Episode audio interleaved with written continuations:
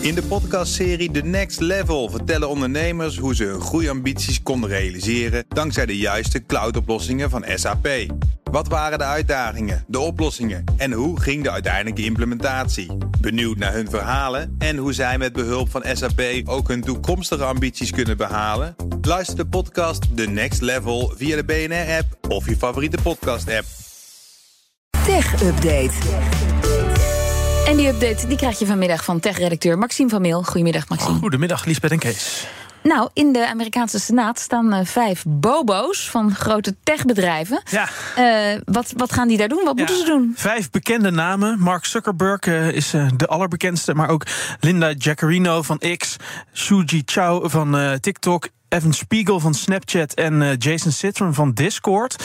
Uh, die moeten zich as we speak verantwoorden omdat hun uh, bedrijven niet genoeg zouden doen om kinderen te beschermen tegen online seksuele uitbuiting. Okay. dit is een dossier waar de commissie al langer mee bezig is, waar al meerdere nieuwe wetten op het vlak van veiligheid van kinderen online uit zijn gekomen. En hier gaat het dan met name over nou, bijvoorbeeld het delen van kinderporno, maar ook dat soort beelden die dan door AI gegenereerd zijn. Mm. de VS ziet dat steeds meer van dat soort beelden circuleren op onder andere die platforms. Uh, en die willen daarom gaan nu kijken wat ze daar nou nog meer tegen kunnen doen.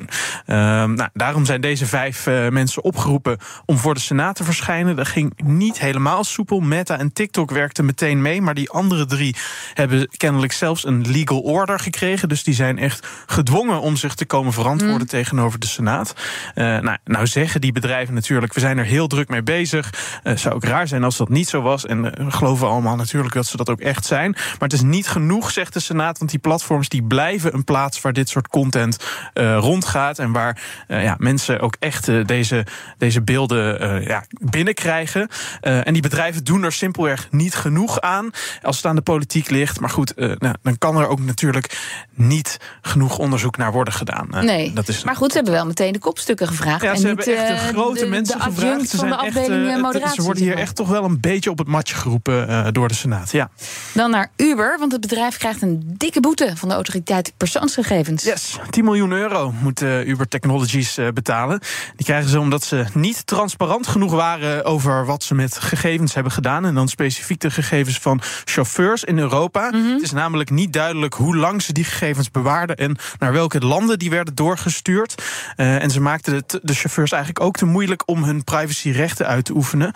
Uh, nou, dat wordt iets duidelijker als je de aanleiding weet. Dat zijn 170 Franse chauffeurs die hun beklag hebben gedaan.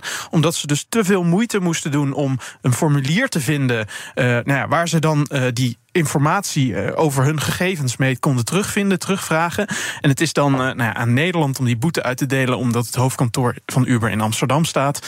Uh, nou, Aleid Wolfsen, de voorzitter van de waakhond, benadrukt dat de chauffeurs het recht hebben om te weten wat er met hun gegevens ja. gebeurt, uiteraard. Uh, en dat ze daar te veel moeite voor moesten doen om, om dat recht uit te oefenen. En ook omdat ze dat dus niet, omdat ze die gegevens maar moeilijk konden vinden, dat ze dus ook niks daartegen konden doen. Nee, uh, je wat kon, er, je kon ook niet protesteren als je niet weet wat er gebeurd is. Ja, ondertussen heeft Uber wel al maatregelen genomen om die gang van zaken te verbeteren. Ze maken nu ook bezwaar tegen de boete. Uh, en dat is ook omdat ze zeggen een deel van de claims van die chauffeurs die zijn ongegrond verklaard. Nog even tot slot over Amazon, want hun voice-assistent Alexa.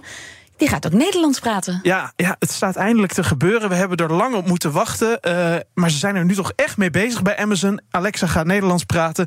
Werd ook wel tijd, want die speakers zijn al uh, wel bijna twee jaar te koop in Nederland. Ik heb er zelf ook eentje. Oh. Ja, je kan daar uh, alleen Engels tegen praten. Maar ja, de, eigenlijk doet dat niet zo heel veel. Je, ik merk toch dat je er vrij weinig gebruikt. Maar wie weet dat dat dus wel beter wordt als ze ook denk Nederlands je? gaat praten. Denk jij dat je haar meer gaat gebruiken? Nou, ik denk het eigenlijk wel. Want het is nog steeds een beetje ongemakkelijk om, uh, ja, om in het Engels tegen zo'n speaker te gaan praten mm. in je kamer. Terwijl je in je eentje daar rondloopt. Van hé, hey, uh, speel eens wat op Spotify of zo. Ja, dat is eigenlijk het enige waar ik Maar het in Nederlands is dat. Uh, in het Nederlands zou dat misschien toch net niet wat zo raar sneller zijn. gaan. Nee, ja. inderdaad. Oké.